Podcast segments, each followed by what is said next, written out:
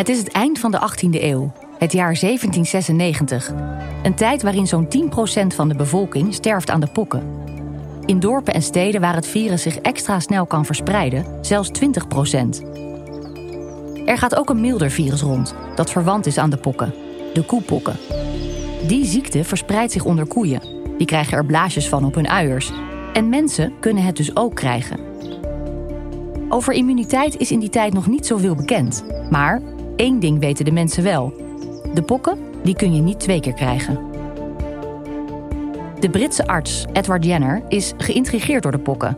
En vooral door het verhaal dat melkmeisjes de zware en dodelijke variant eigenlijk nooit krijgen. Zou het komen doordat ze zoveel met koeien in aanraking zijn en daardoor vaak de mildere koepokken krijgen? Om dat te onderzoeken doet Jenner een experiment. Hij neemt het vocht uit een koepokblaasje van een melkmeisje. En dat smeert hij in een wondje van de zoon van de tuinman. De jongen is acht jaar en zijn naam is James Phipps. James werd een beetje ziek en was na een week weer beter. En die zware, zeer dodelijke vorm van de pokken, die kreeg hij nooit. Je luistert naar Vaccinatiebeleid onder de loep. Een NRC Branded Content podcast in samenwerking met Pfizer en Sanofi.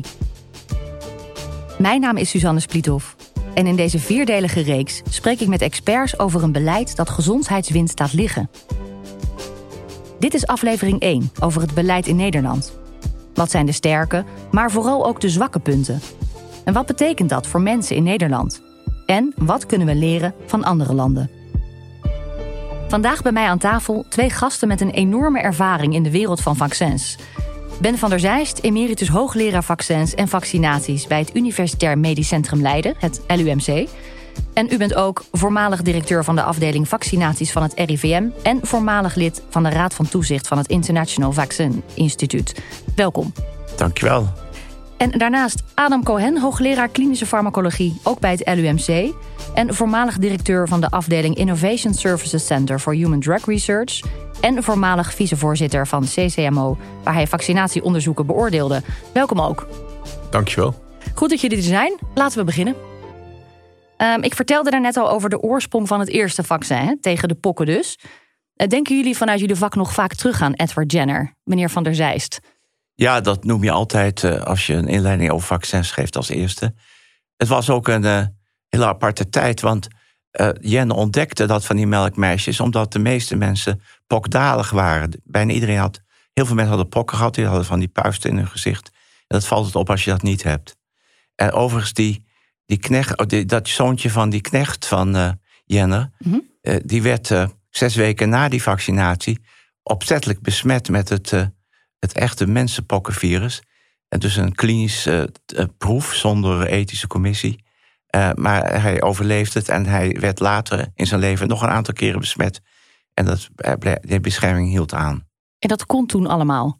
Dat kon toen allemaal, ja. Dat, het werd met goede bedoelingen gedaan, natuurlijk. Ja. Meneer Cohen, hoe zit dat met u? Denkt u daar nog vaak aan terug? Ja, nou, in, in zoverre dat.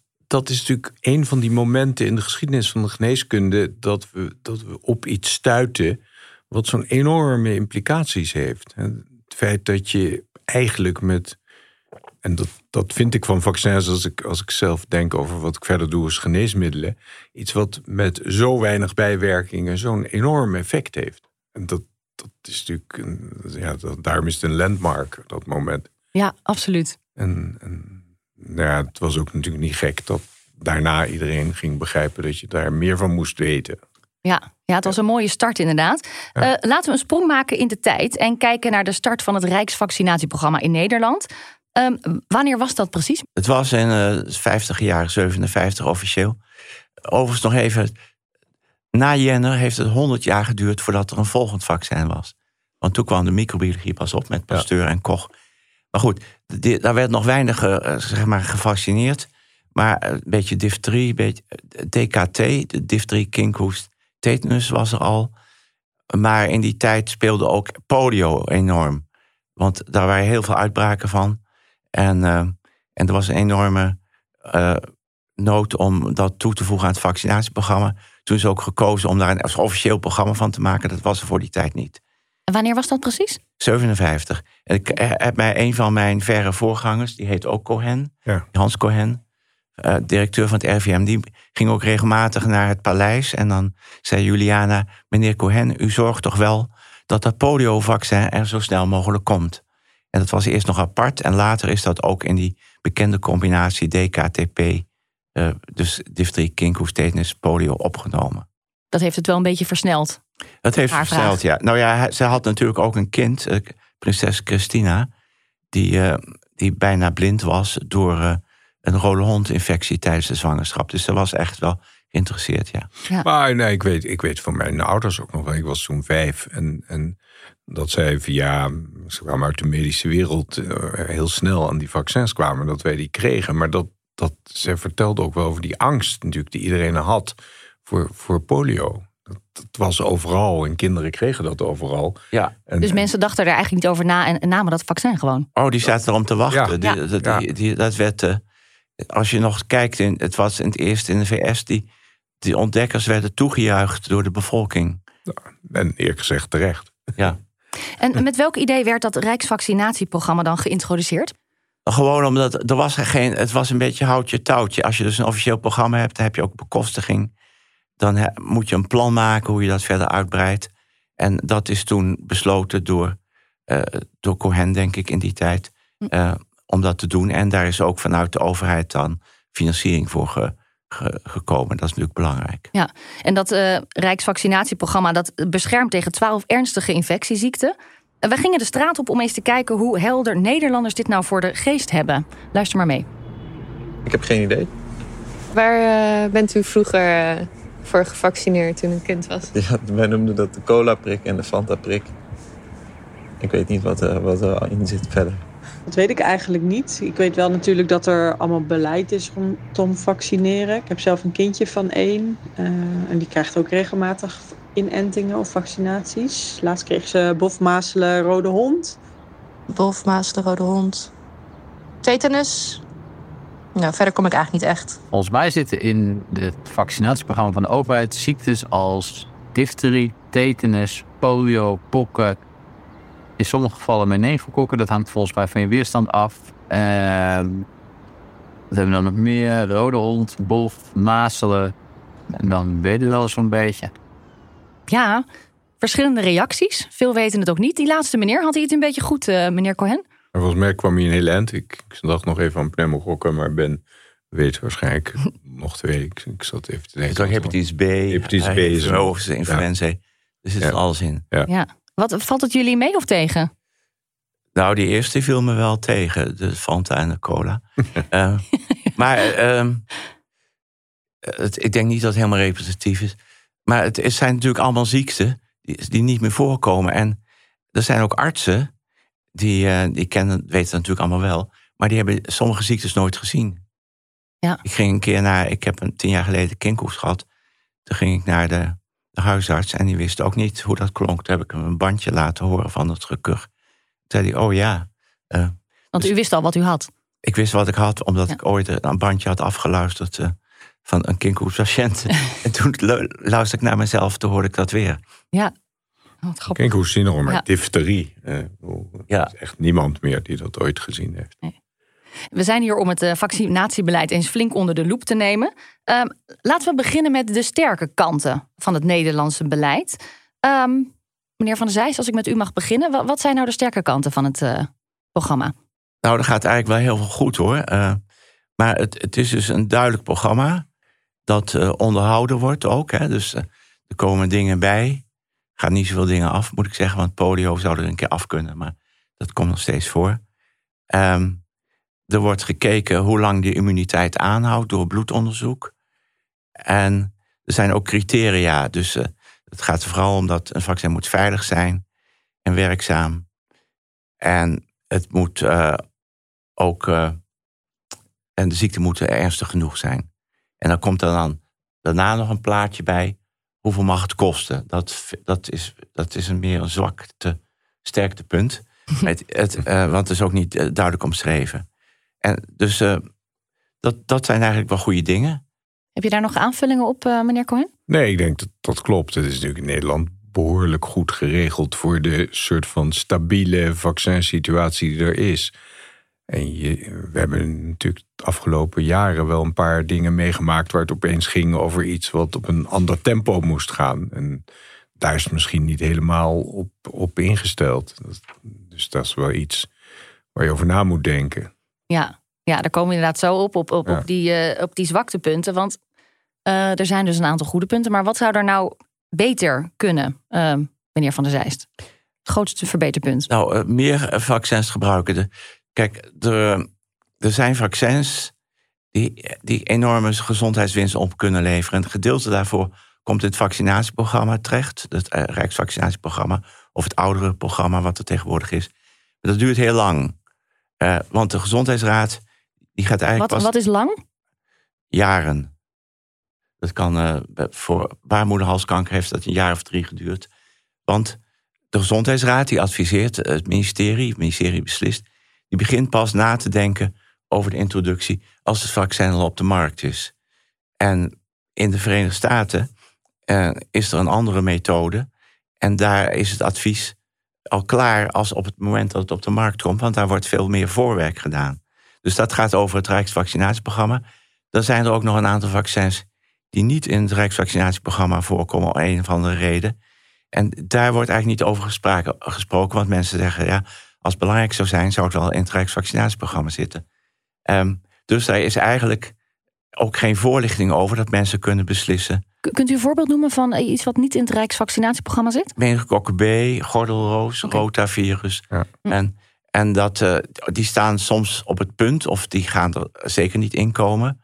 Ehm, maar er is ook geen voorlichting over. Dat gaat veranderen. De staatssecretaris van Ooyen, die, die gaat erover tegenwoordig. En die heeft daar eh, ja, in februari nog een brief over naar de Kamer gestuurd. Eh, maar goed, de, eh, mensen die het weten, die, die hebben die dingen op eigen haal, die op eigen kosten. En als we even teruggaan naar de advisering vanuit de Gezondheidsraad. Wat u zegt, dat dat best wel traag gaat in Nederland. Eh, meneer Cohen, u bent zelf jaren geleden ook lid geweest van de Gezondheidsraad. Kunt u hierop reageren? Nou, het heeft, er zijn eigenlijk twee dingen. Het, het, het ene is denk ik de, de registratie van zo'n vaccin. Op een gegeven moment, hè, er worden allemaal proeven gedaan... en dan wordt zo'n vaccin, oké, dit kan je nu toedienen. Bijvoorbeeld het gordelroosvaccin. Het is natuurlijk eigenlijk vrij gek dat daar nog iemand over moet adviseren. Het is eigenlijk raar dat niet bij die registratie alle gegevens bekend zijn. Zo kunnen zeggen, nou ja, dit, de voordelen hiervan wegen op tegen de nadelen en de kosten. Is natuurlijk voor een deel ontstaan door het feit dat, dat is de tweede kant ervan, dat die vaccins toen dat hele Rijksvaccinatieprogramma begon, dan kostte voor zo'n vaccin ongeveer niks vergeleken met nu. En mm, meneer Van der Zijs laat ook zien natuurlijk dat het gordelroosvaccin 350 euro kost. Als je nu alle bejaarden daarmee gaat inspuiten, is dat ook een serieuze hoeveelheid geld. En de vraag is waarom het in hemelsnaam 350 euro moet kosten. Ja. Daar komen, dat wil, willen de producenten van die vaccins ons nooit vertellen. Want die doen altijd alsof het verschrikkelijk moeilijk is om zo'n ding te, te introduceren. Nou ja, je hebt ook jaren aan onderzoek nodig. Nou ja, we hebben natuurlijk met corona prachtig gezien dat dat, helemaal, dat, dat best meevalt. Is helemaal niet zo moeilijk om een vaccin te ontwikkelen. Je weet eigenlijk vrij precies waar je naar moet kijken. En je, als je het dan wilt testen in de praktijk, is het ook niet zo moeilijk. Dus waarom dat zo duur moet zijn, is eigenlijk een beetje onduidelijk. En dat maakt het probleem erger. Dus wat heeft de overheid nou gedaan? Die heeft in plaats van te zeggen van er is een registratieprocedure voor zo'n vaccin, hebben ze gezegd, nou dan plakken we daar nog maar even wat achter. Dat kost voornamelijk tijd. Maar wat plakken ze erachter dan? Nou, de gezondheidsraad. Ja, we hebben natuurlijk Het ook. advies en het overleg. Ja, ook eigenlijk in de coronaperiode hebben we gezien dat, dat op een gegeven moment in Amerika een vaccin wordt goedgekeurd. En dan duurt dat in Nederland nog twee of drie maanden. Nou, dat was natuurlijk in die coronatijd, was dat een behoorlijk eh, aantal doden, eerlijk gezegd, die we daar hebben, hadden kunnen vermijden. Dus, en, en iedereen wist al van tevoren wat het antwoord zou zijn natuurlijk. Van, het is echt Ja. niet zo dat een van die lichamen zou zeggen van nee, in Amerika mag het wel, maar hier niet. Dus Ja, dus het kan allemaal wel sneller. Nou, als we Ja. nou kijken naar bijvoorbeeld de voorlichting. Hoe gaat het dan hier eh, in Nederland? Nou, dat eh, wordt ook wel beter, maar vroeger was het zo, eigenlijk kort gezegd, ik ben een dokter, ik weet wat goed voor u is. En, eh, en dat, maar dat werkt dus niet meer. Maar de, dat, dat besef is wel doorgedrongen, dus nu zijn er ook sociologen bij het RIVM En die gaan kijken wat, wat, wat uh, houdt mensen bezig. Wat, waarover twijfelen ze? En kunnen we er wat aan doen? Uh, blijft lastig. Je hebt ook uh, echt wel stoorzenders, zeg, die antivaxers, die, die twitteren dan en er wordt allemaal geretweet. het, het, het, dat is lastig. ik vond zelf, als ik dan even op COVID terug mag komen, vond ik de voorlichting over de COVID verbrokkeld. Hm. Dat was in Engeland veel beter. Dan zat er een minister met een, een, een, hoofdarts en nog wat. En die hadden elke dag een persconferentie. En hier kwam de Gezondheidsraad en dan kwam de GGD. En dan kwam het RIVM en het ministerie. En dus heel veel tegengestelde en niet afgestemde berichten. Uh, maar over, als ik het naar het RVP kijk, dan uh, de gewone RVP, hm. dan, uh, dan is dat aan de betere hand en niet slecht. Oké, behalve dus dat er tijdens corona te veel verschillende partijen het, woord deden. Ja, in het verleden is het wel behoorlijk fout gegaan bij de introductie van het baarmoederhalskankervaccin. Voor pubermeisjes is het eigenlijk in de markt gezet alsof het een, een, een vaccin voor baby's was, waarover de ouders zouden moeten beslissen. Waarna die pubermeisjes natuurlijk allemaal in opstand kwamen. En die zeiden, daar beslis ik zelf over. Daar is wel van geleerd. Hm. In, de, in het Verenigd Koninkrijk doen ze dat toch nog weer professioneler. Daar hebben ze, zeg maar eh, klankbordgroepen om te zien wat er leeft, uh, hoe, hoe je dat, uh, die, die, voorlichting goed kan in, inzetten. Ja. Ja, tot zover de, de wat zwakkere punten van de voorlichting. Hoe zit het met de internationale samenwerkingen? Zou dat nog beter kunnen? Kunnen wij van als Nederland de lering trekken uit hoe andere landen dat doen? Gezondheid moet even terug naar de Europese Unie. Gezondheid is een, een, uh, een kwestie van de landen. Daar mag de EU zich zelfs niet mee bemoeien. En wat je ziet ook, ik heb dat elk vaccinatieprogramma voor elk land is weer net iets anders. Ik heb uh, uh, een paar jaar geleden de Baltische Staten nog geadviseerd over een gezondheidsprogramma. En dan zie je dus dat dat drie piepkleine landjes, dat die allemaal hun eigen dingetje hebben. en ehm, en de, als je ook naar de website van het ICDC krijgt, het Europese Center of Disease Control, dan, zie je dus dat het een weerwaar is. En dat, dat houdt ook in dat mensen niet zoveel met elkaar praten. Dus elk land heeft een adviserend comité over hoe dat vaccinatieprogramma in elkaar moet zitten. Bij ons doet de Gezondheidsraad dat. En die zou heel goed kunnen samenwerken. En, en ook dat, die, zeg maar, dat adviseren dat het zo lang duurt.